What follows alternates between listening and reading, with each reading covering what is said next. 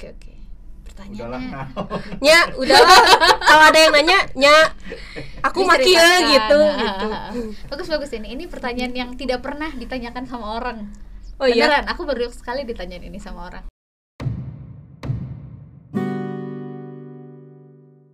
udah om prim Udah. Udah, take kapan pun.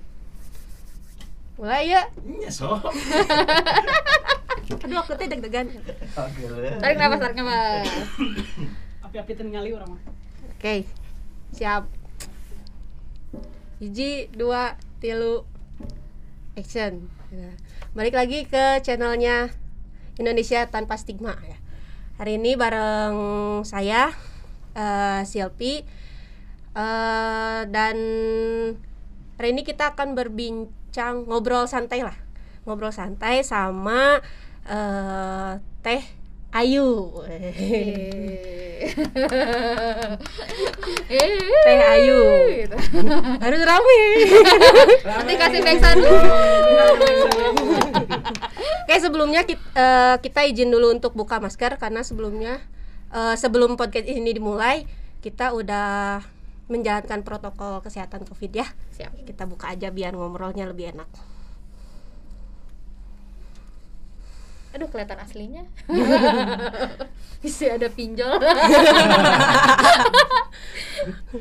ya Edan Teh Ayu bersinar Sering gitu ya. Sering. ya halo Teh Ayu apa kabar Baik, Silvi. Silpi. pakai P Alhamdulillah sehat. sehat ya Sehat. iya Teh Ayu kalau boleh tahu sekarang kegiatannya apa sih Kegiatannya apa? Waduh, dua hari nih. Kegiatannya banyak. eh, yang pasti dilakukan setiap hari itu eh, mengurus negara negara rumah tangga maksudnya mengurus negara rumah tangga apa ya namanya ya jadi ibu rumah tangga di rumah dengan segala eh, kesibukan eh, apa namanya saya semenjak corona jadi jago masak. Masak? Karena mau nggak mau. Karena kalau jajan miskin nanti. Terus udah gitu eh, selain memang eh, ibu rumah tangga eh, saya juga aktif di eh, ikatan perempuan positif Indonesia. Mm-mm. per November tahun lalu dipercaya oleh eh, anggota di Indonesia anggotanya IP ada di Indonesia itu menjadi koordinator nasional koordinator nasional Betul. Jadi eh, buat teman-teman yang mungkin belum tahu, IPI adalah Ikatan Perempuan Positif Indonesia, Mm-mm. jaringan nasional perempuan yang hidup dengan HIV dan terdampak HIV. itu ada di mana aja teh Ada di 28 provinsi, nggak hafal. Nanti lihat di bawah ini lah. nanti ada Alamat Webnya. boleh di Bisa ah, di ya bisa nanti ke www.ip.or.id atau sosial media kita at IP underscore Indonesia, Facebook Mm-mm. juga IP Indonesia gitu. Nanti ada banyak informasi soal soal eh, apa yang IP lakukan di sana.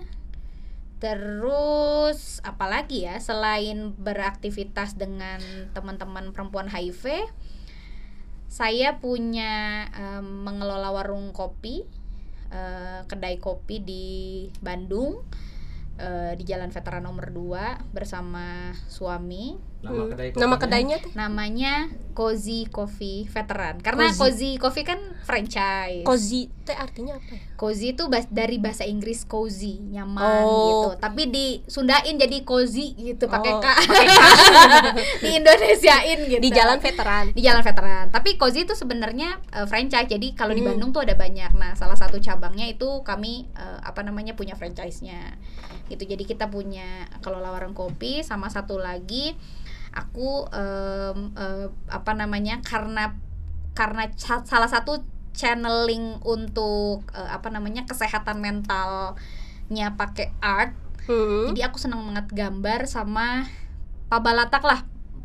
Pang bikin-bikin gitu. Bikin aksesoris bikin wah segala macam di tempat kopi? Iya di samping tempat kopi kita aku punya ada artwork space gitu. Oh gitu. jadi eh, apa namanya eh, kehidupan rumah tangga jalan eh, aktivisme sosial jalan eh, cuan jalan eh, buat diri sendiri jalan. Penting sehatnya, tehnya. Heeh, jadi kudu kudu balance Kudu gitu. balance-nya. jadi itu cukup sibuk sih. Gitu makanya senang banget bisa datang ke studio yang keren ini. Keren banget studio. Berwarna kayak di enggak tapi keren Siga Studio emang studio emang ya. studio mantep ya terima kasih juga sudah diundang. Eh, tadi kan ada di organisasi IPI Ikatan Perempuan Positif Indonesia. Indonesia. Berarti positifnya itu positif HIV. ya. Mm-mm. Oke. Hobi Teh Ayu apa sih Teh? Wah, hobi aku banyak banget sebenarnya. Tapi aku seneng banget nonton film. Seneng banget aku Korea, nonton teh? film. Enggak. Enggak. Jadi aku nggak nonton Korea bukan karena tidak suka Korea, tapi takut kecanduan. Iya bener. karena aku suka aku aku suka banget film. Aku suka banget film, tapi aku suka banget nonton science fiction biasanya. Science Hmm. fiction, film-film yang ngomongin soal paradoks, soal soal ruang dan waktu, Hmm. soal alienism yang kayak gitu-gitu aku suka banget. Yang science fiction, film-film alien hmm, apa namanya? Uh, the end of the day.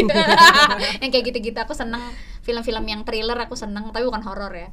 Tuh, aku seneng banget nonton film sama eh, aku seneng banget karaoke Karaoke. jadi karena corona karaokena eh, nyalain laptop pakai minus one teriak-teriak sendiri di Eta rumah Teh pakai mic yang ada speakernya Teh Teh. Eh, nggak boleh beli sama suami saya katanya berisik jadi aku nggak usah pakai mic ge. Eh, ini kenceng gitu Yaudah Teh. audionya Karaoke-nya di ruang podcast kita aja. jangan nanti disawer aku jadi enak Amin nyawer. gitu jadi hobinya itu apa namanya eh, Mm-mm. suka banget nonton film sama karaoke gitu Oke. Eh, terus kan saya sempat baca nih Teh di beberapa artikel. wah kepo ya Nah, Teh Ayu ini Netizen, netizen. netizen Iya salah satu netizen tapi nggak barbar.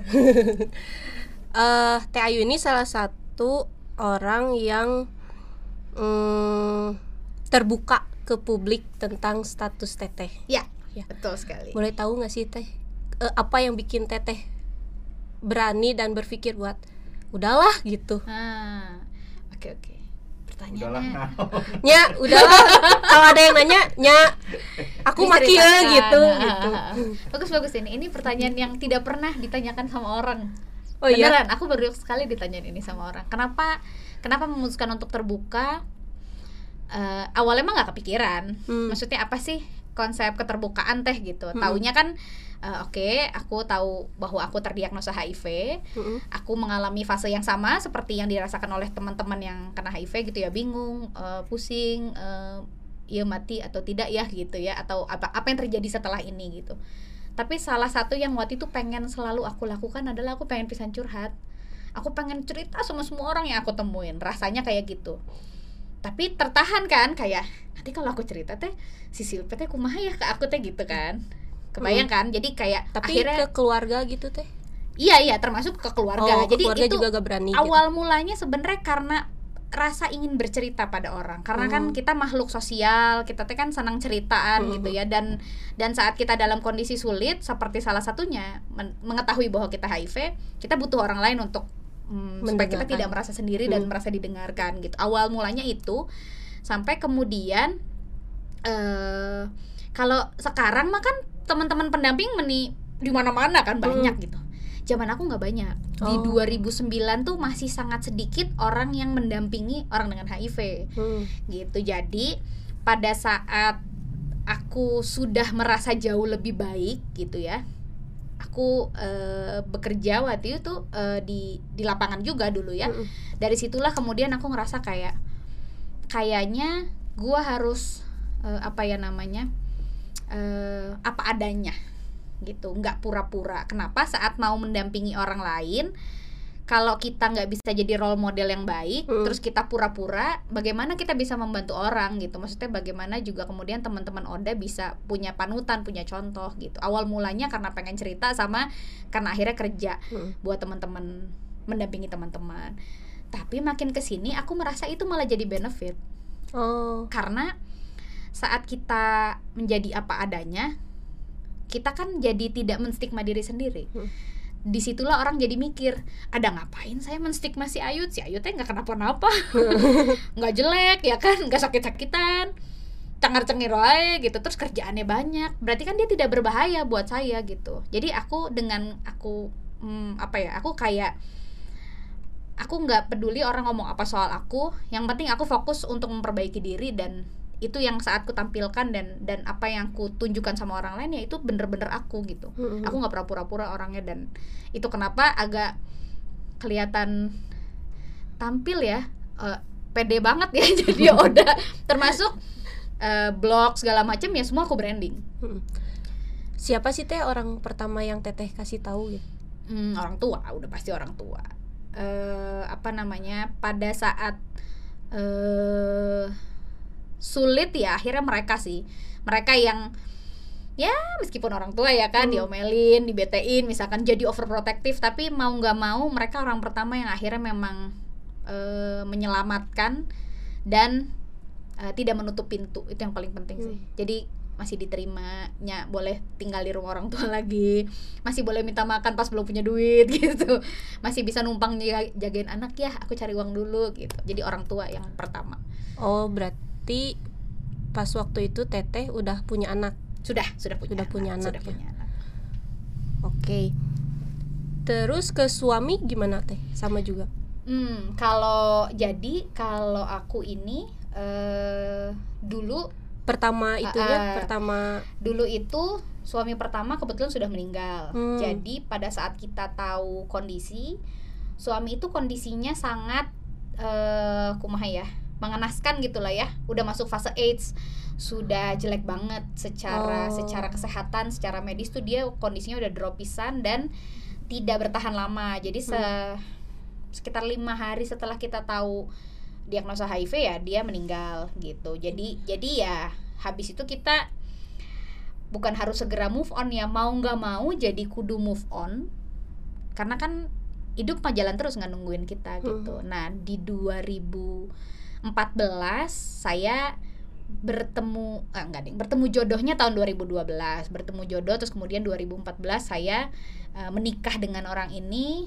Dan ya di situlah eh, apa namanya eh hidup barunya dimulai. Ya saya eh, cari jodohnya di sini di rumah cemara. Wih, cari jodoh di rumah cemara ya. Kalau saya di aplikasi swipe swipe right Oh, saya juga di aplikasi waktu itu kenalan sama Kang Feby itu di Twitter. Kang Feby waktu itu jadi eh, apa namanya seperti apa sports manajemennya Rumah Cemara kan Hmm. waktu itu.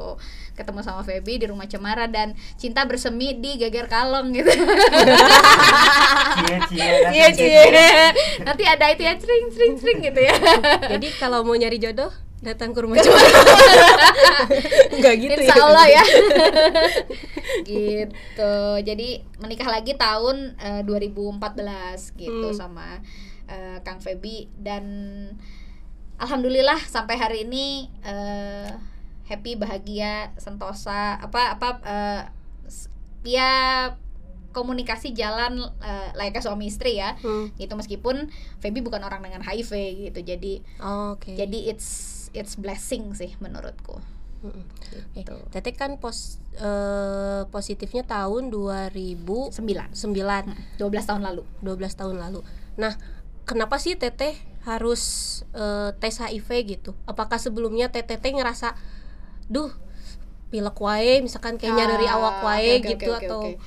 Kenapa Jadi gitu? awal mau tes HIV sebenarnya mau nggak mau, mau nggak mau karena si almarhum suami tadi. Oh, karena almarhum almarhum suami suaminya sakit. sakit.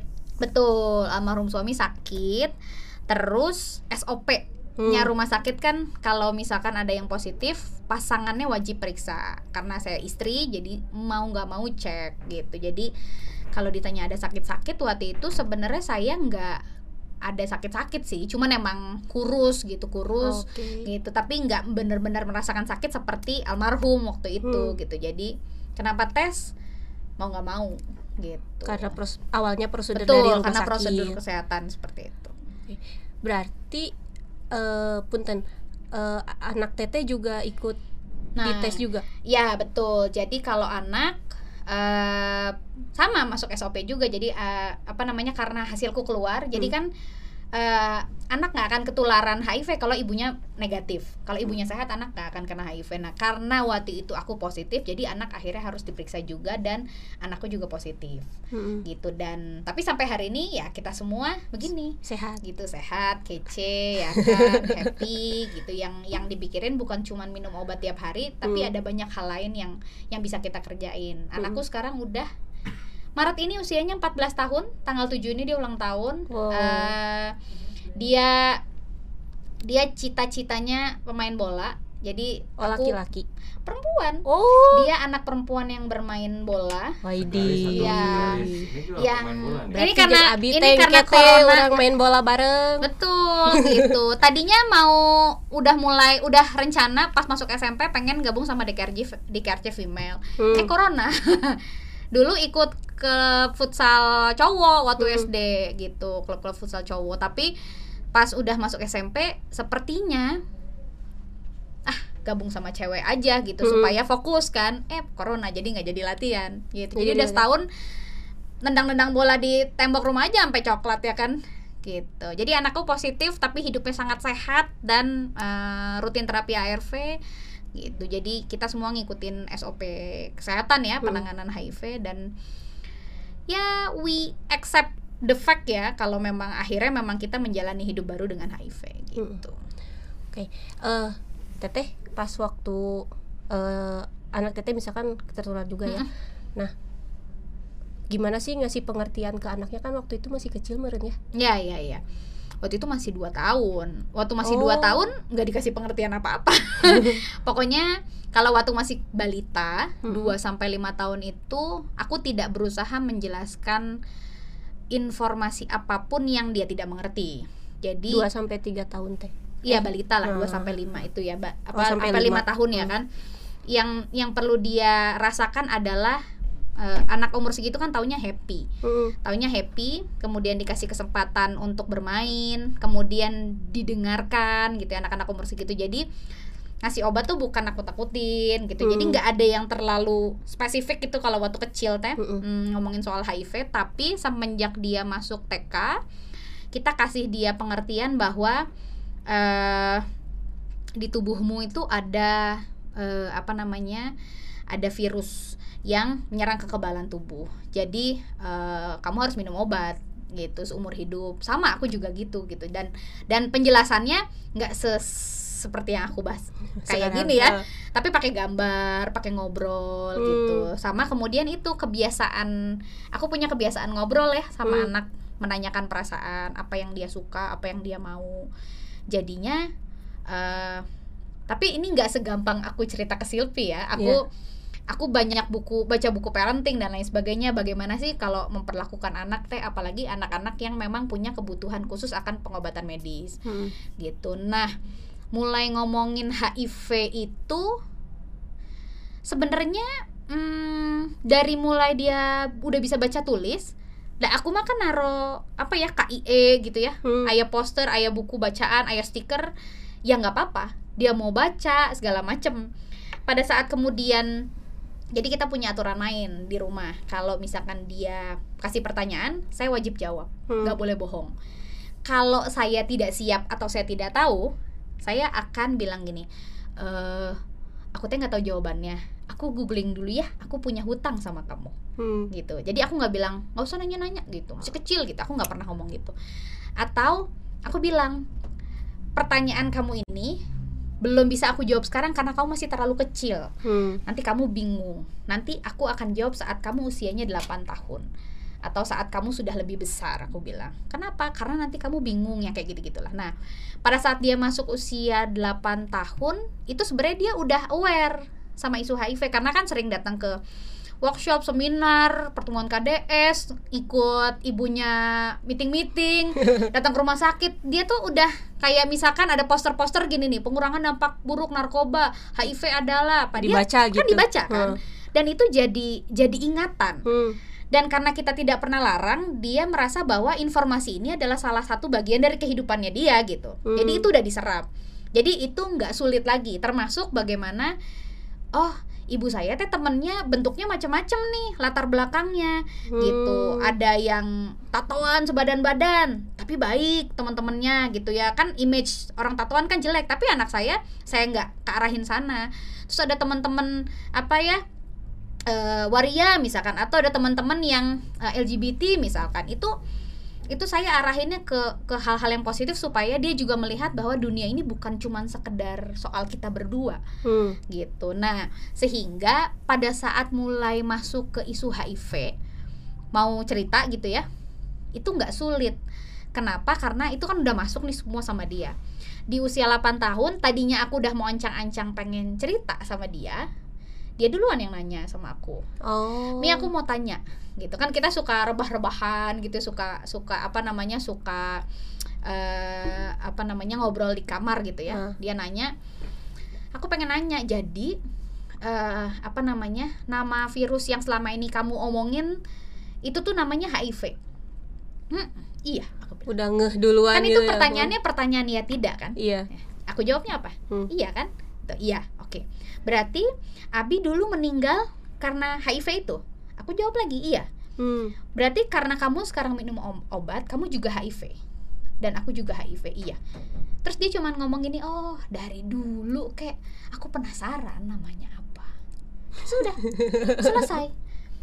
Selesai, tapi tidak selesai sampai sana. Eh. Karena dari dari sana aku harus mulai kasih eh, penguatan kepada anak ini karena kan dia semakin besar dan dia akan kembali ke masyarakat kan sekolah pada saat di sekolah kan nggak ada ibunya ibunya nggak duduk di sebelahnya Iya. nongkrongin dia 24 jam gitu. Iya. Di situlah kita harus ngasih tahu sama dia bahwa di luar sana ada yang namanya stigma diskriminasi. Hmm. Sebelum itu terjadi padamu, kamu harus tahu bahwa ada hal-hal yang bisa kamu ceritakan kepada orang lain, ada yang tidak.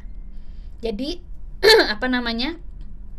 Eh, kalau kita mau bersikap dan bertingkah laku di sekolah, di teman sepergaulan, terus kita mau curhat sama teman, kita lihat dulu nih konteksnya Hmm. perlu nggak aku cerita soal HIV ini pada orang lain perlu nggak aku misalkan cerita kalau aku pakai sepatu baru misalkan Hmm. bisi teman saya jealous gitu kan Hmm. cemburu misalkan daripada orang jadi kumaha sama aku teh gitu nah di sana dia kemudian menyimpulkan dia ngomong sendiri oh berarti aku nggak usah ngomong-ngomong ke orang ya kalau aku minum obat Terus aku tanya kenapa aku bilang kenapa kamu merasa Hmm. seperti itu gitu Hmm. terus dia bilang susah aku jawabnya katanya Oh mungkin Sesimpel karena itu. teman sebayanya belum tentu paham tentang Iya, itu dan ya. dan yang ada di pikirannya dia sesederhana itu. Pada Hmm. saat saya tanya, "Kenapa kamu merasa kamu tidak perlu menceritakan kepada orang lain?" Karena jawabnya susah. Aku teh nggak bisa jelasin kayak kamu. Hmm. Oke, aku bilang kalau kamu memutuskan untuk tidak mau cerita. Hmm. Terus aku bilang lagi, tapi nanti kalau kamu sudah dewasa, sudah remaja, kamu merasa ada teman yang klop gitu untuk jadi teman curhat kamu dan kamu mau cerita, mungkin bisa kita lakukan. Tapi nanti kita observe dulu, kita lihat bagaimana cara ngomongnya sama dia supaya gak geger gitu. Nanti jadi kumaha orang tuanya dan segala macem gitu kan namanya anak-anak kan kita maksudnya anak kita kita didik sebegitu paham cara berkomunikasi sama orang lain anak lain belum tentu gitu. Iya, jadi iya, iya. jadi aku bilang sama dia suatu hari kalau kamu mau open status gitu sama orang sok wae tenan naon tapi itu lihat dulu konteksnya lihat orangnya cara menyampaikannya dan konsultasikan selalu sama orang tua. Kamu best friend kamu pertama kali ya orang tua. Buat aku gitu. Jadi so far menyenangkan tapi susah-susah gampang jadi orang tua dari anak yang hidup dengan HIV ya. Maksudnya anak yang nggak HIV juga jadi orang tua susah banget ya Silpi ya. Tapi buat aku sih kayak punya anak tuh kayak sekolah seumur hidup lah belajar terus. Gitu. Ih, so sweet. gitu. Jadi ya gitu deh.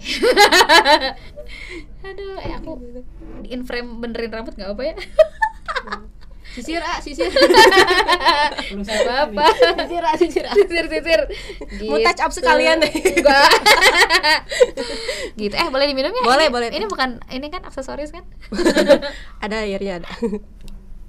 gitu Silvi Kalau Teteh untuk jaga kesehatan suka olahraga ke sih Teh? nah sebelum corona Hmm. aku rutin eh, zumba Oke. jadi aku itu bukan orang yang suka olahraga eh, apa namanya statis ya. Yoga pilates wah aku bisa tidur. Gitu aku tidur. Jangan jangan. Jadi aku harus ramean berisik jojogedan tuh aku teh. Jadi zumba. Nah pas corona kan zumbanya penuh ya. Jadi biasanya eh, tempat zumba aku sekarang udah ngurangin sih. Jadi Hmm. zumbanya paling seminggu sekali sama sepeda. Dulu di Jakarta Mm-mm. aku dikomporin sama almarhum Ginan Hmm. ayo kamu teh Oda meneng-meneng wae gitu kalau kata orang Jawa ya menang-menang teh naon sih? diem-diem aja Oh. gitu apa diem-diem aja maksudnya olahraga bergerak kamu teh Terus aku bilang emang boleh nos olahraga teh kita gitu. Ya boleh lah gitu. Terus nggak lama dia jalan dari Bandung eh, dari Bandung ke Jakarta kan. Iya yang gitu. Dari situ aku mulai berolahraga sebenarnya gara-gara dikomporin Ginan. Akhirnya dulu kan ikut apa main bola juga di Jakarta sama teman-teman Oda perempuan. Oh. Ah, ah, kita bikin tim juga gitu. Supaya waktu itu kalau eh, bikin apa namanya eh, yang sama Teh Eli bukan sih? Bukan di Jakarta ada timnya Oh. jadi tim Jakarta tim Bandung tim Banten ada dulu tim Teteh putri di tim aku di Bandung. Jakarta dulu kan Oh, aku di di- Jakarta Oke. pindah ke Bandung teh baru setelah nikah sama Kak Febi betul Oh. gitu Kalau di bola Teteh suka di posisi apa Teh? aku eh, di posisi yang pokoknya dikasih bola weh soalnya soalnya enaknya main bola tendang Maju dikasih bola. Enggak, enaknya bo enaknya main bola tendang. Kamu teh setara, ngerti nggak? Kan aku nih kan eh, waktu pembagian tinggi badan datangnya telat. Jadi pendek. Waktu sekolah main basket nggak pernah dipasing Hmm. karena kependekan. Jadi kayaknya didiskriminasi gitu. Akhirnya nggak mau main basket lagi, main eh, itu apa namanya? Sepak bola. eh, futsal terus futsal eh, posisi apa pokoknya eh, kumaha nu kosong lah aku nggak ngerti aturan main sebenarnya cuman eh, waktu itu olahraga ya eh bola cuman buat have fun aja pokoknya kalau dipasing nendang nendang nendang gol alhamdulillah nggak gol ya minta maaf. Pokoknya kayak bola udah gue. benar. Seruduk gitu kan. Gitu. Tapi sekarang udah ya karena lapang juga banyak yang ditutup ya gitu. Mm. jadi udah udah nggak pernah main lagi. Paling sepeda sekarang sepeda sama zumba tadi. Sepedahan. Biar kayak orang-orang gitu eksis. Anjay. padahal was was was.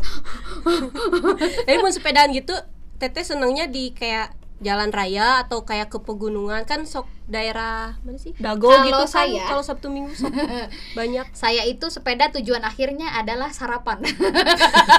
Sepakat. jadi heeh, jadi menentukan rute teh mau makan di mana kita. Gitu. Tapi nyarinya yang rada jauh. Atau muter dulu baru berakhir di tempat sarapan. Ini beneran. Jadi eh, abis itu goes lagi.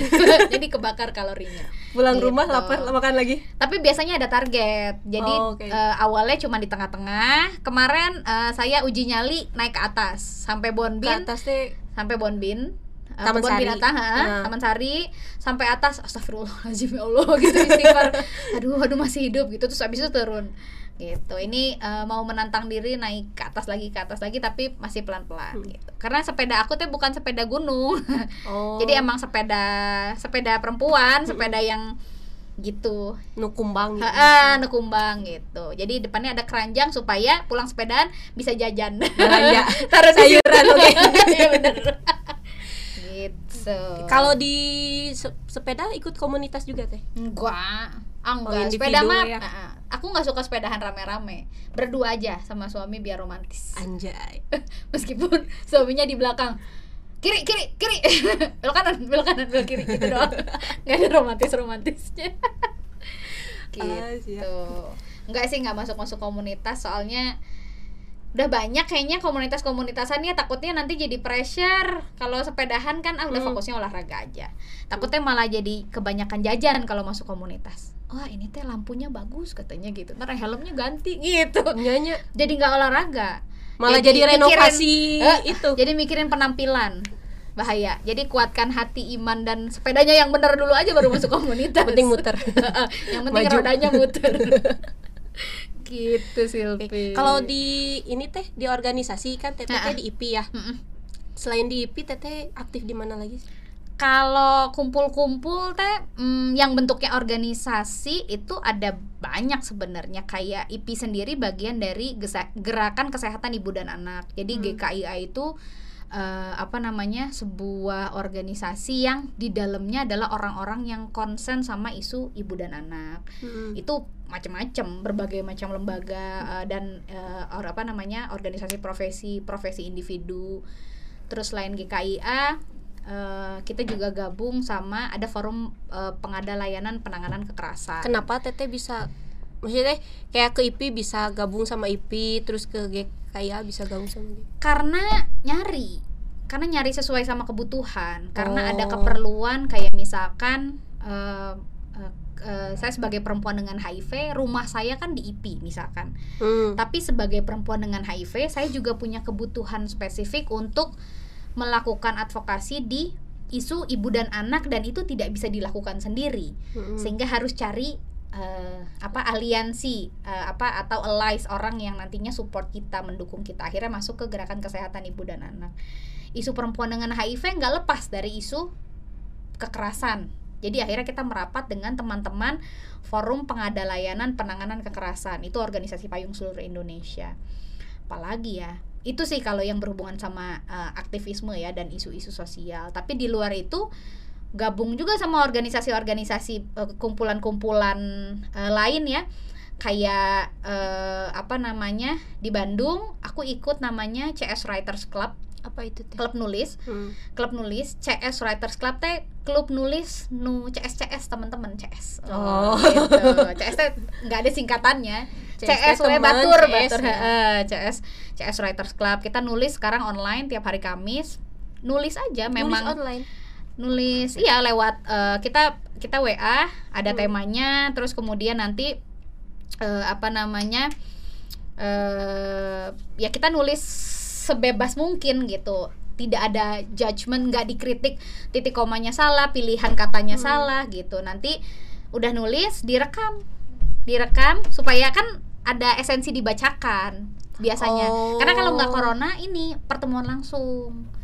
Gitu. Jadi ada CS Writers Club nulis tiap Kamis selalu kemudian satu lagi kumpulan-kumpulan itu saya bukan ikut ya di Bandung itu aku membangun sebuah ruang belajar untuk ragam gender dan seksualitas namanya panggung minoritas jadi ini udah mau masuk tahun ketiga Hmm. si panggung minoritas ini tapi itu fungsinya ruang belajar saja Hmm. jadi kita ngomongin soal banyak hal yang eh, irisannya sama tadi ragam gender dan seksualitas. Jadi kalau ditanya kelompok banyak.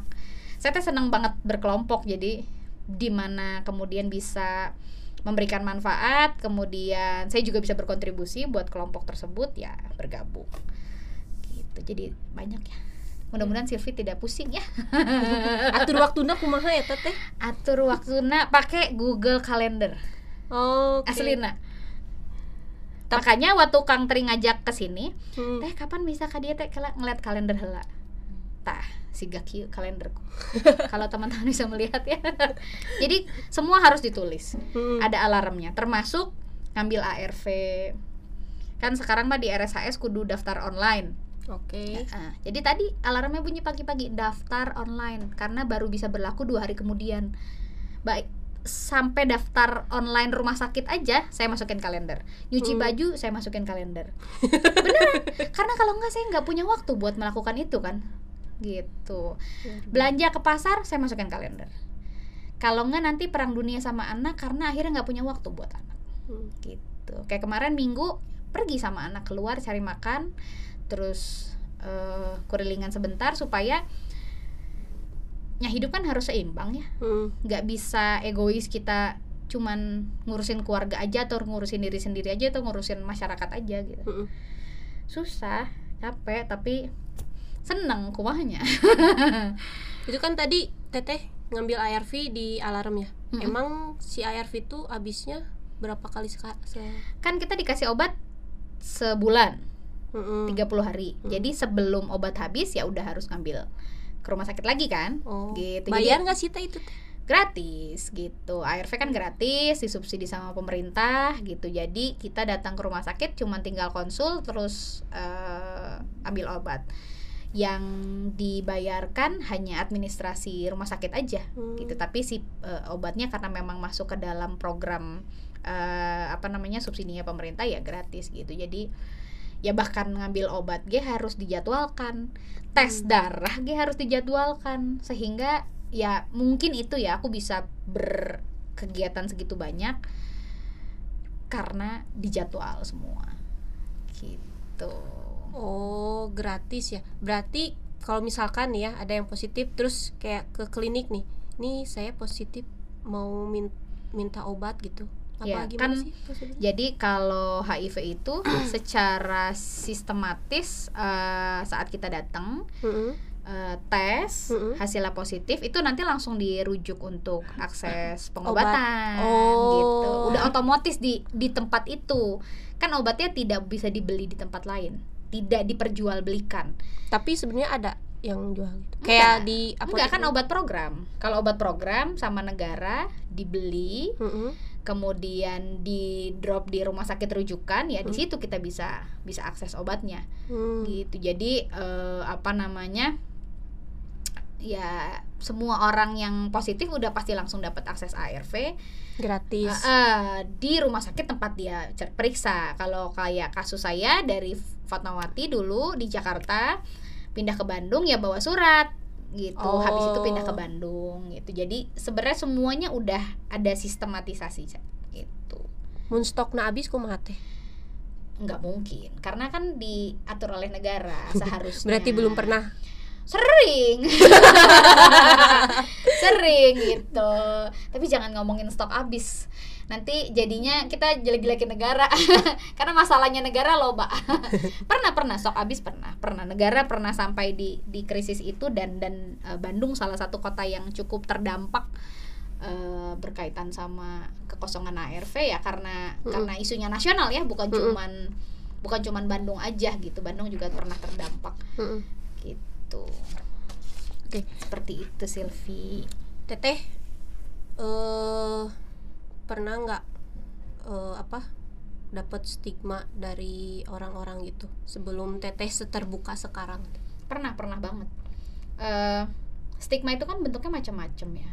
Ada stigma yang ada yang stigma yang terang-terangan gitu ya.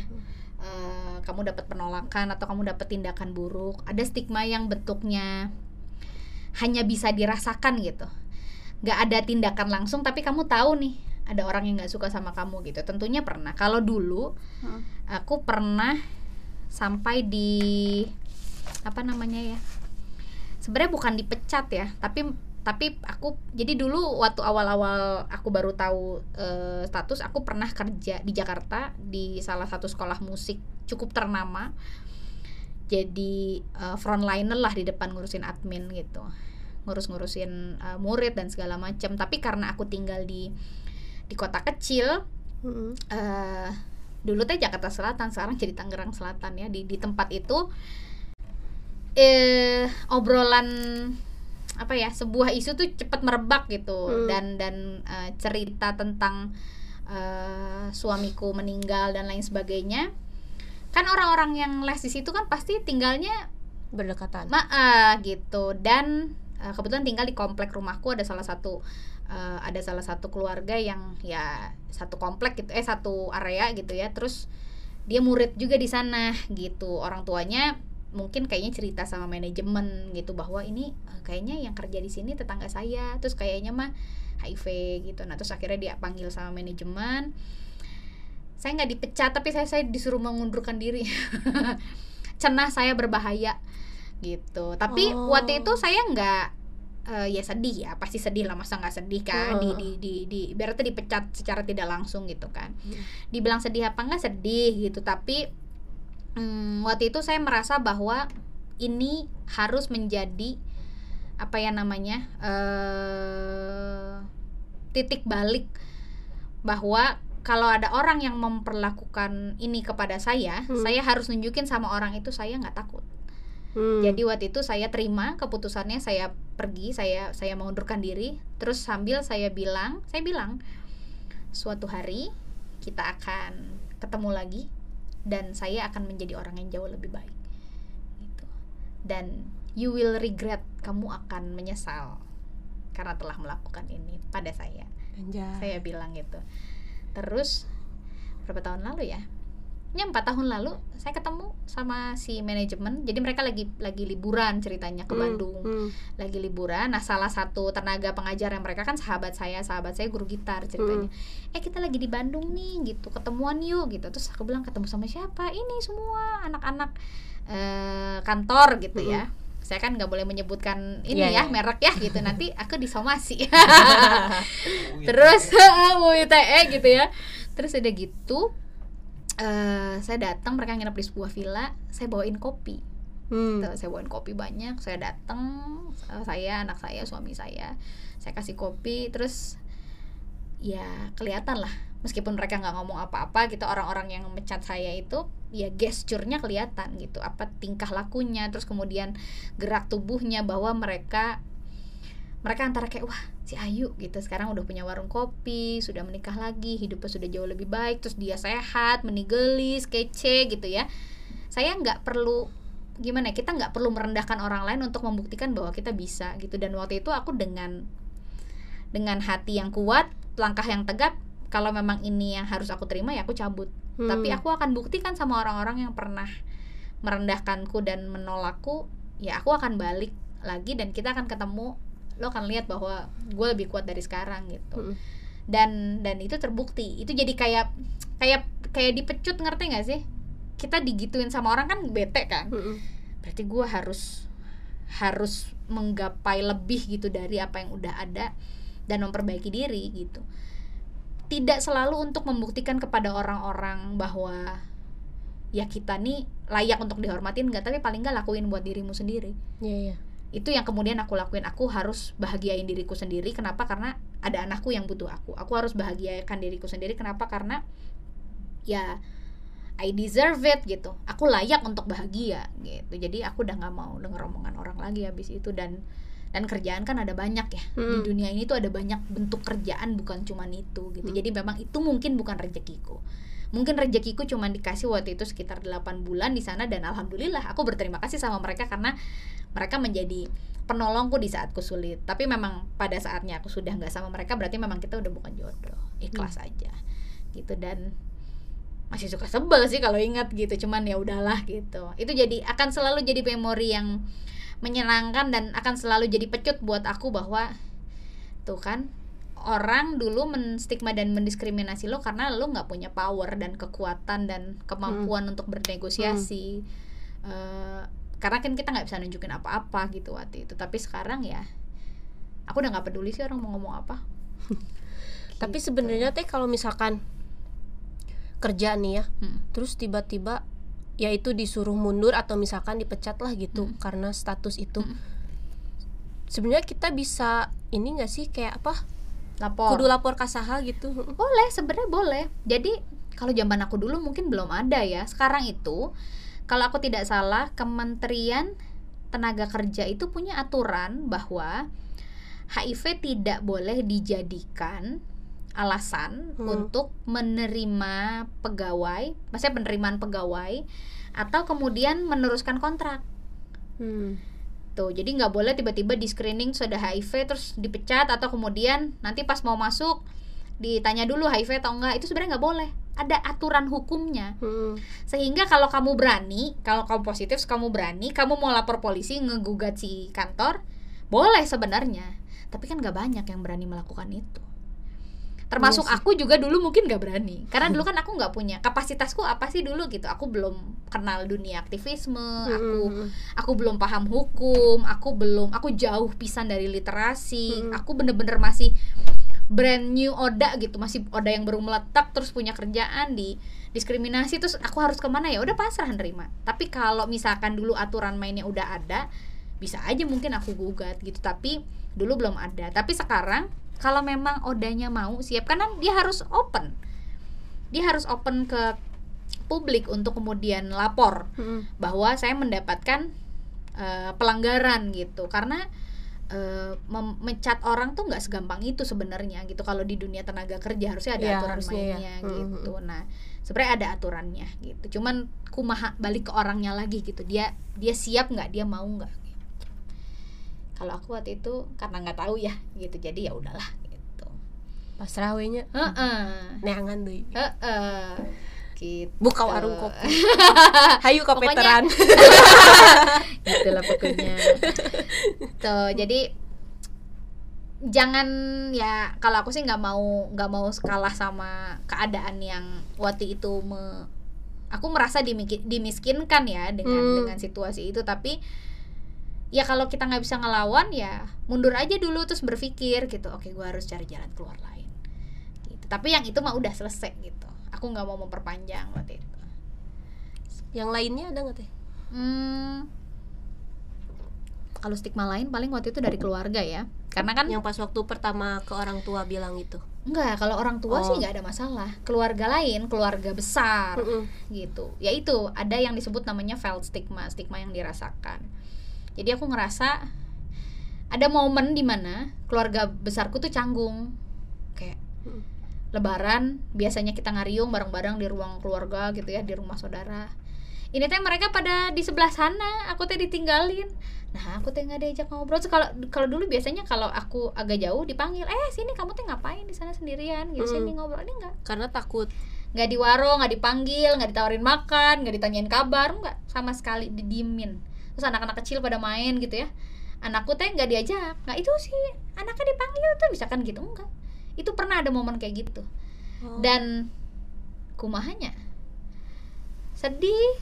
Gimana ya apa eh, nggak bisa ngomong karena kan keluarga. Kalau Mm-mm. nanti kita marah-marah keluarga nanti rame gitu. Jadi yang bisa aku lakukan adalah buktikan aja sama mereka bahwa saya nggak minta makan sama kamu saya nggak minta kamu untuk menghidupi saya tapi justru saya bisa membalikkan keadaan dengan berjuang, bertahan, melawan dan membuktikan bahwa saya bisa merawat anak saya, diri saya, bahkan saya bisa memberi kepada keluarga saya Mm.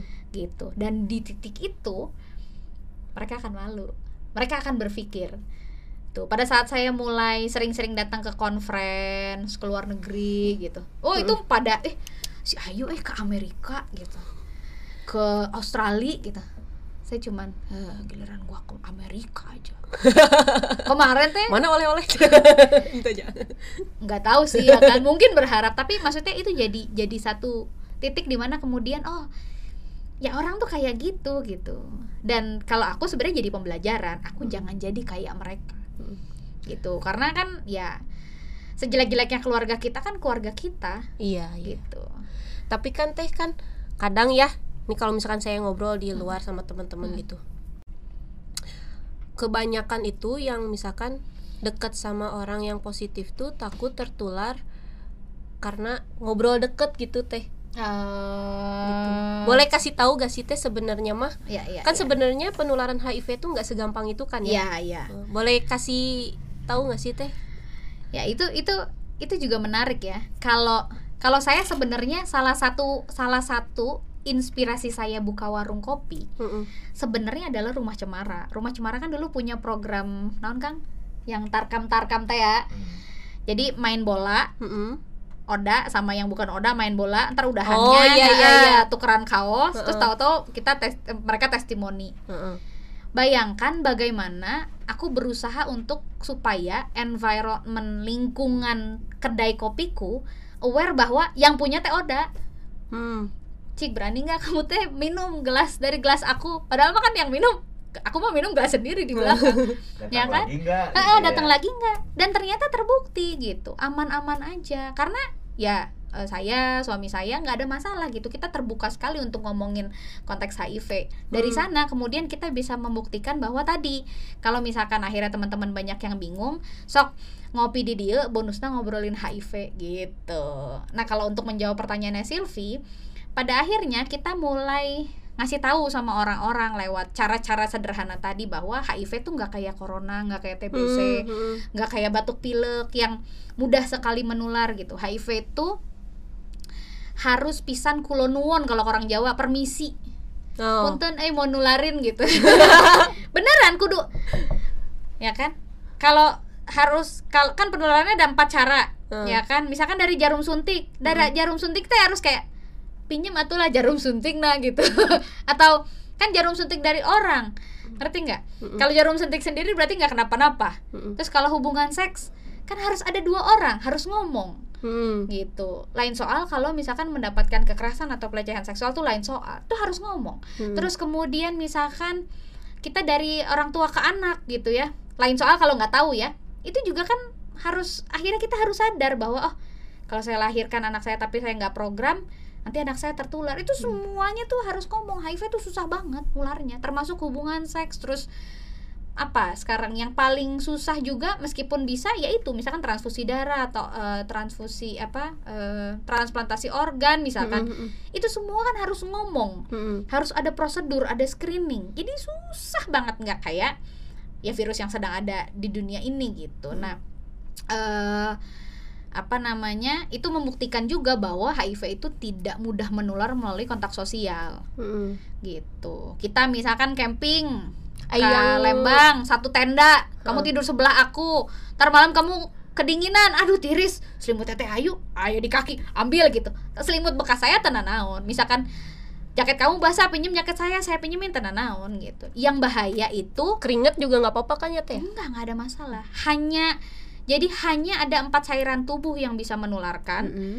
eh, darah, cairan mani, cairan vagina dan air susu ibu dan semuanya harus dari orang dengan HIV. Selain daripada itu, nyamaran butuh sutruk-truk gitu.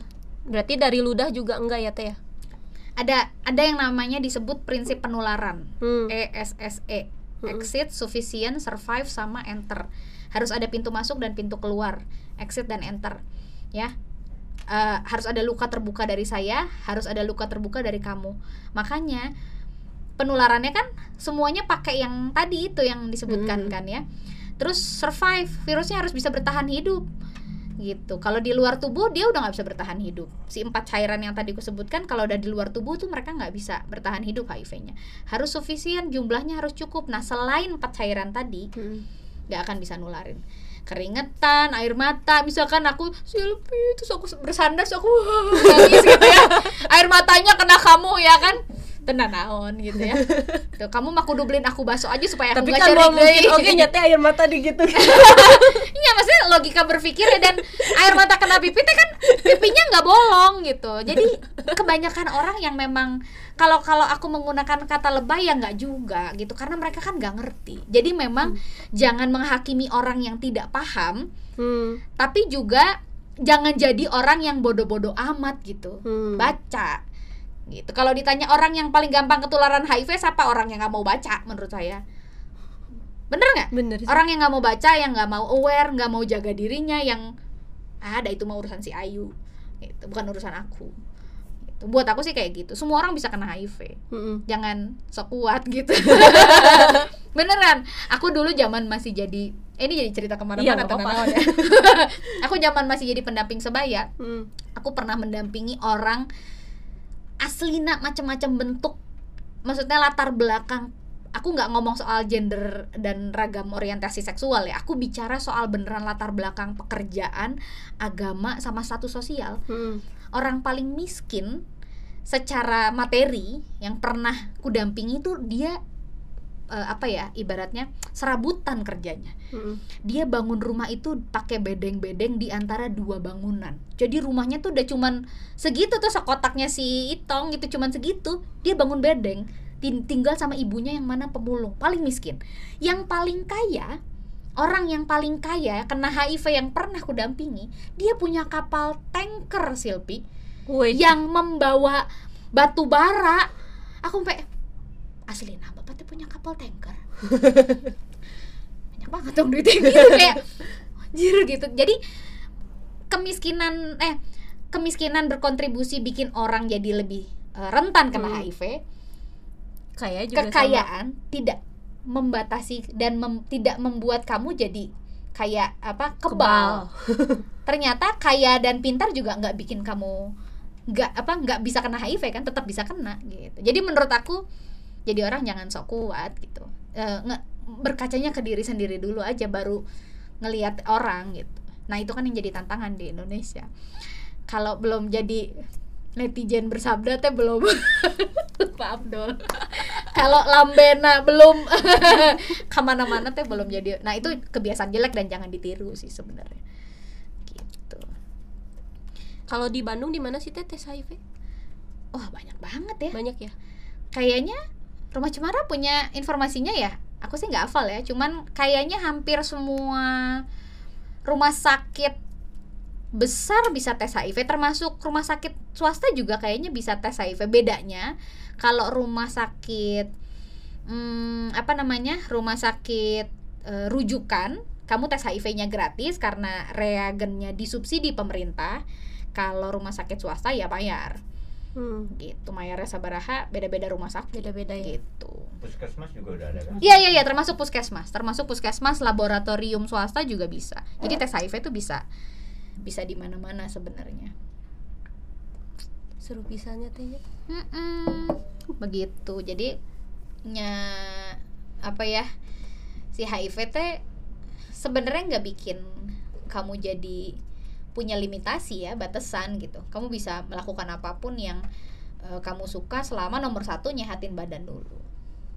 Gitu. Tapi kan eh yang positif tuh harus minum ARV-nya seumur hidup ya. Mm-mm. Pernah nggak sih teteh atau anak teteh tuh kayak durang bosen ya minum obat dia gitu. Oh pasti. Kan kita manusia. Terus gimana teh? Eh, Bosen biar pasti. tetep enak apalagi ya kan. Namanya obat terus udah 12 tahun minum obat kan. Eh, anakku 12 tahun, aku baru 11 tahun karena kan dulu jadi dulu itu ARV tidak langsung diberikan zaman dulu. Jadi karena ini obat program, jadi orang-orang yang minum ARV itu ditunggu sampai kondisinya lemah baru dikasih obat. Kalau Hmm. sekarang namanya test and treat. Jadi tahu positif langsung dapat obat Mm-mm. Beda. Sekarang jauh lebih beruntung deh teman-teman. Nah kalau dulu karena memang mm, masih sulit kondisinya kalau ditanya bosan-bosan mm, kita harus ini sih menurutku me- memotivasi diri caranya macam-macam kan. Kalau pernah telat pernah. Pernah. Dulu kan saya pernah gagal terapi. Hmm. jadi dulu waktu masih di Jakarta eh, ada salah satu jenis obat yang aku minum itu bikin pusing sehingga aku minum obatnya kumaha jam tidur sebenarnya nggak boleh kan harus tepat waktu Oh, harus misalkan jam 9 jam 9 terus Mm-mm. malam nah karena tindakanku tersebut aku jadi eh, resisten obatnya tidak lagi bekerja di dalam darah Hmm. dan membuat virus kembali merajalela Mm-mm. gitu. Nah, pada saat aku resisten, oh nggak enak pisan. Gimana sih orang udah sembuh, udah udah sembuh, udah sehat, terus sakit deh gitu. Itu kan nggak enak. Nah, di sanalah kemudian aku ganti obat dan di situ aku melihat bahwa ini aku nggak bisa kayak gini nih gitu. Jadi kita harus memotivasi diri nomorku eh nomor satu eh, pertama reminder pasang alarm ya kan makanya tadi kan Silvi udah lihat nih aku bahkan nyuci baju aja pa- pasang tulis di kalender hari ini nyuci baju hari ini ganti spray. Tuh aku tulis di kalender. Kalau jadwal ganti baju, Oh, ah enggak. hari ini warnanya. Kalau udah rada bau asem ganti gitu. Jadi bener-bener bener-bener terjadwal harus bikin alarm. Hmm. kalau bisa pakai ringtone yang menarik jadi pengingat itu juga bisa jadi motivasi. Eh, aku eh, ringtone-nya ini susu murni pangalengan remix cari dah. Susu murni pa, eh, nasional bukan pangalengan nasional. Terus kayak eh, Coba, pakai DJ DJ gitu. Wah keren ya. Ntar cari ya. Ya, Eh, susu murni nanti, remix. eh, eh, susu murni nasional remix. Itu aku eh, ringtone-nya itu? Jadi ketawa kan. Ambil joget dulu Nasi kudu susu murni. supaya rame supaya nggak jenuh. Kalau cuman didit didit Nanti tahu bulat. cuman dimatiin nanti kita ambil obatnya jenuh. Terus bisa juga Hmm. nambah dengan misalkan beli kotak obat nu gemes-gemes lucu-lucu Oh, iya, iya. nah kalau saya karena obatnya sekarang teh gede-gede jadi saya senang beli pouch Hmm. gitu jadi misalkan hari ini pouchnya bunga-bunga besok eh, unicorn besok gotik gitu jadi aku teh punya pouch kotak obat Hmm. buat naruh obat itu motivasi jadi semangat Hmm. sama kasih reward buat diri sendiri Li- liburan gitu. Apa aja? Reward kan hadiah buat diri sendiri kan beda-beda. Kayak misalkan aku eh, reward aku eh, minggu ini aku akan makan bakso ciampelas Hmm. enak banget kan tuh ya? Habis ini ke situ ah. Yuk. jadi Ayo, makan makan bakso gitu ya. Jadi reward. Atau kalau zamannya belum pandemi karena suka nonton rewardku adalah nonton film. Kasih hadiah bahwa oh aku udah achievement aku bahkan kalau kan kalau pacaran tuh suka anniversary ya. Heeh. kalau aku suka merayakan anniversary ARV Versary. Eh, keren kan Iya aja. Iya beneran. Jadi tiap ARV ARV versary aku suka beli nasi bikin nasi liwet gitu. Ya Allah aku teh hari ini udah setahun minum obat. Nggak asli nah. Aku udah sebulan. Aku punya tanggal gitu. Aku teh ARV Jadi dibuat sehappy mungkinnya tetep bikin kak. Iya, Aduh, termasuk ngasih tahu sama orang rumah untuk ngingetin minum obat. Nah, karena jadi jadwal minum obat saya sama anak saya kan saya samain, jadi biar nggak Hmm. lupa. Tuh, kebetulan suami saya bukan Oda, jadi dia nggak minum ARV, tapi suami saya hipertensi. jadi si bapak eta teh juga minum obat hipertensi. Jadi sama sarua satu rumah minum obat, jadi saling mengingatkan. Jadi ya support system tuh penting gitu. Sampai kemudian ya apa ya? Saya kadang-kadang kalau mau minum obat selfie lah. Menyambung hidup. Oh, iya gitu. ya gitu kan.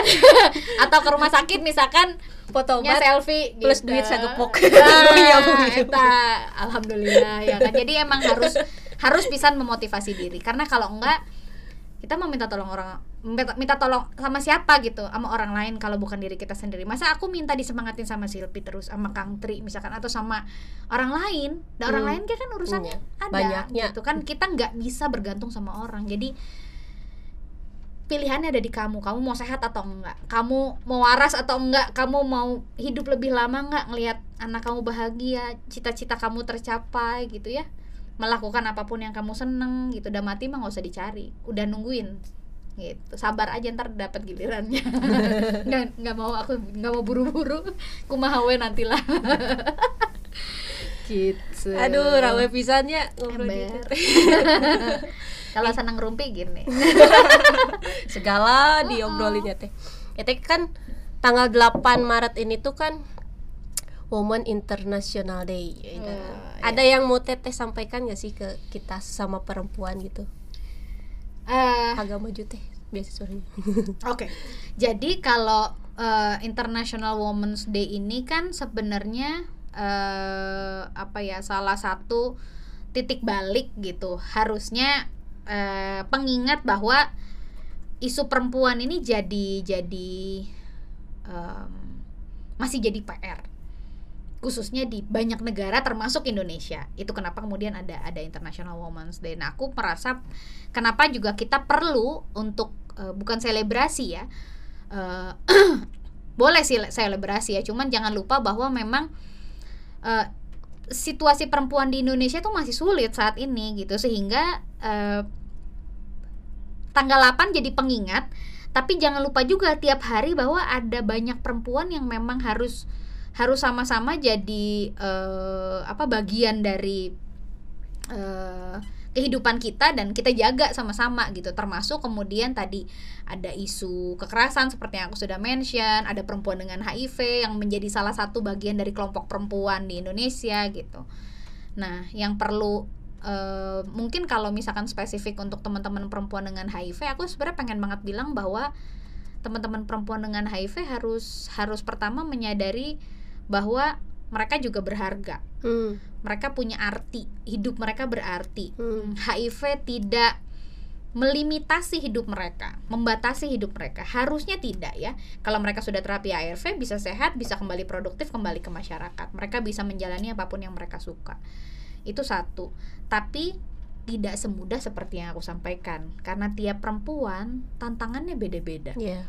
Ada di Indonesia saat ini sampai hari ini masih isu patriarki yang amat sangat mm, membatasi ruang gerak perempuan. Hmm. Kalau dibilang isu feminis mm, mengatakan bahwa perempuan harus superior salah, itu Mm-mm. feminisnya ngaco berarti justru eh, feminisme itu pingin mengajak teman-teman perempuan dan laki-laki itu memang jadi equal. Jadi setara saling bantu kayak saya sama suami saya punya negara sendiri gitu presidennya eh, ini fleksibel gitu kadang saya jadi presiden kadang dia jadi perdana menteri kadang dia menteri keuangan kadang saya jadi menteri pertahanan gitu ganti-ganti aja gitu bareng-bareng siapa yang nyuci piring hari ini semua harus nyuci piring Hmm. gitu. Dah kan yang makan kamu, ngapain yang nyuci saya gitu. Masak karena saya suka masak, saya masak. Saya saya masak karena saya suka masak, Hmm. Ya kan? Bukan karena jadi kewajiban saya. Gitu. Kalau saya nggak mau masak, saya akan bilang hari ini saya nggak akan masak. Hmm. Gitu. Oke, hari ini aku yang masak kata anakku. Tapi aku hanya akan ngegorengin kalian semua nugget. Oke? Oke. Gitu. Kan itu equal, ya kan? Hari ini yang nyuci baju suamiku, yang jemur anakku Hmm. yang lipat baju aku gitu nah itu yang kemudian masih sulit eh, diterima oleh di Indonesia bahwa eh, oleh orang-orang di Indonesia bahwa eh, semestinya rumah tangga keluarga itu equal bareng-bareng. Sehingga jangan sampai terjadi kekerasan. Sama menurutku perempuan juga harus eh, menyadari bahwa itu ya karena kita dari dulu tuh udah dikecilin ya. Maksudnya perempuan tuh orang nomor dua.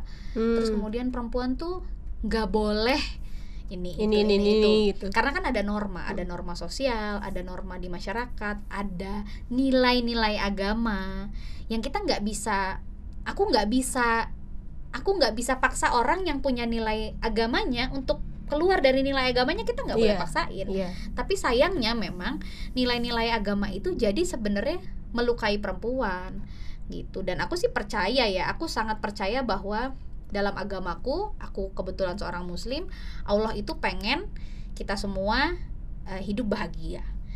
Sesama manusia juga termasuk di dalam keluarga. Jadi sebaik-baiknya rumah tangga itu rumah tangga yang saling menyayangi harus take and give gitu. Bukan semuanya harus manut sama suami. Kalau aku punya prinsip seperti itu sehingga Hmm. dalam dalam rangka International Women's Day itu aku berharap bukan siapa akan jadi lebih menang gitu enggak bahwa di sana kita semua bisa duduk sama-sama eh, melihat bahwa ada sebuah konteks yang selama ini tidak pernah disentuh. Entah karena takut entah karena apa gitu ya apa karena tadi nilai dan norma tadi bahwa perempuan juga tuh punya ruang yang setara gitu sama laki-laki bahwa kita bisa kerjakan semua bareng-bareng kita bisa bertukar peran Hmm. gitu kalau secara apa namanya secara tubuh kita punya fungsi masing-masing saya setuju Ya. gitu ya Eh, tapi juga bukan menjadikan perempuan alat reproduksi gitu ada loh statement-statement yang menyebutkan bahwa ya perempuan itu tugasnya ya eh, hamil dan melahirkan anak sebanyak-banyaknya Oh gitu deh. Oh banyak Hmm. Tuh, Silpi nanti kapan-kapan kalau tiba-tiba mendengar statement itu jangan kaget. Tapi kemudian di sanalah perempuan harus bisa stand up. Bilang bahwa bilang sama pasangannya saya cuman mau anak tiga. Hmm. Kenapa? Karena ini tubuh saya. Yang hamil saya, yang belendung saya, yang disoek saya, yang dijahit saya. Kan bukan kamu Iya. Ya kan? Yang nyusuin nanti saya sehingga boleh dong. Saya cuman membatasi anak tiga. Hmm. banyak suami yang nggak mau nggak mau. Anak saya kudu 16 ngalahin Atta Halilintar. Gitu ya. Tapi kemudian saat seseorang memilih untuk punya anak banyak pastikan dia tahu sama pilihannya. Hmm. bahwa itu keputusan bersama. Iya. yuk kita punya anak 16 berarti kudu kerja yang benar. Karena Hmm. anaknya kudu dikasih makan bareng-bareng jadi bukan cuman karena suami bilang harus gitu. Kalau Hmm. menurut saya tuh itu itu sebuah konteks yang harus diluruskan. Dan dan alhamdulillah aku baik-baik aja gitu. Maksudnya dengan dengan pasanganku gitu Mm-mm. kan. Eh, saya sudah tujuh tahun menikah. Eh, tiga tahun pertama eh, memutuskan perencanaan kehamilan. Eh, jadi memang diputusin. Nanti kita punya anak tahun ketiga setelah menikah. Hmm. disepakatin gitu. Tiga tahun teh ngapain? Nyari duit nyiapin tabungan. Buat Ya. lahiran teh duit. Ngasih makan teh duit, Duit. beli susu duit ya kan? Terus habis itu kesiapan mental jadi ibu. Oh Kan? iya itu perlu pisahnya tuh Nya. siapan mental jadi bapak. Hmm. mampu nggak kita? Gitu belajar lagi ya kan? Meskipun ternyata waktu itu eh, apa namanya Tuhan punya rencana lain sama aku jadi eh, anakku tidak selamat eh, dan kemudian meninggal setelah 40 jam dilahirkan. tapi kemudian kita membangun kesepakatan lagi. Oke sekarang break dulu istirahat evaluasi kira-kira kemarin salahnya apa. Kalau memang ternyata nggak ada salah berarti memang Tuhan punya rencana lain. Sekarang mau program lagi nih gitu. Hmm. dan semuanya disepakatin bareng-bareng. Dan buat saya itu esensi dari eh, dari equality tadi ya kesetaraan eh, apa namanya eh, di dalam rumah tangga antara laki-laki dan perempuan dan International Women's Day itu pada akhirnya jangan jadi cuman slogan dan selebrasi 8 Maret doang Hmm. tanggal 9-nya tetap perempuan dapat kekerasan gitu tetap ada Iya, iya, iya. diskriminasi-diskriminasi bahwa kalau perempuan dengan HIV pasti itu perempuan gak bener Hmm, kan iya kamu bener itu tuh sering pernah banget. nanya kenapa kemudian si perempuan memutuskan untuk jadi pekerja seks kenapa perempuan itu memutuskan untuk menggunakan drugs Hmm. kan kamu nggak pernah nanya Hmm. isu sosial apa yang menyebabkan dia sampai ke titik sana gitu kan kita nggak boleh menghakimi orang lain kita Iya. tanya dulu kunaon ih kamu teh gitu ya ada yang bisa aku bantu nggak gitu Nah itu Kenapa? sih teh pertanyaan Gitu. kunaon kunaon sih gitu. Iya, dan sebenarnya itu nggak boleh ditanyain kalau kamu teh cuman pengen kepo. Iya iya. Kan ada orang yang ih kenapa kunaon sih si eta teh gitu kan beda kan kayak beda sama kayak kamu teh kenapa Silpi ada yang bisa Iya. aku bantu nggak itu kan beda Hmm. empati simpati sama kepo teh lain nah kebanyakan orang cuman kepo Hmm. jadi takutnya IWD teh cuman jadi slogan dan orang jadi melihatnya negatif karena orang me- menyangka bahwa perempuan pengen superior lain kenapa isu laki-laki nggak diperbincangkan kan laki-laki mah udah punya tempat tempat mana yang menolak laki-laki coba Silvi sebutkan Tempat mana yang menolak laki-laki? Iya. Pemerintah mau jadi pemimpin itu laki-laki pasti diterima. Kalau perempuan Ada teh tempat yang menolak laki-laki. WC perempuan. ya lucu ya Sylvia. Kamu bisa ikut sit down komedi. Soalnya komedinya sambil duduk. benar benar benar. Tempat yang tidak menerima laki-laki adalah toilet perempuan, yaitu.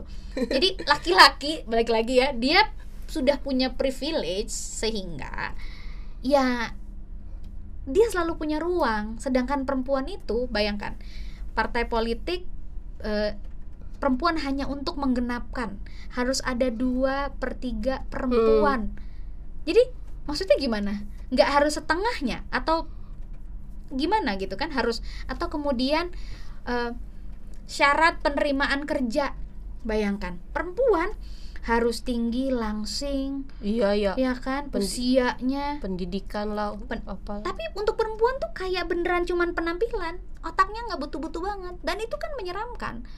Tuh terus misalkan eh, dalam dunia olahraga sebagai contoh misalkan yang nomor satu kan laki-laki ya kan? Kalau ada eh, paling baru berapa apa namanya mungkin 100 tahun ke belakang kalau kita lihat ya dunia olahraga berapa tahunnya sih yang perempuan menjadi eh, dominasi di panggung olahraga kan nggak banyak juga Mm-mm. kemudian oh banyak aspek perempuan tuh karena memang sebaiknya di rumah itu kan yang tapi balik lagi aku tidak menyara- menyalahkan orang-orang yang memang punya pilihan Mm-mm.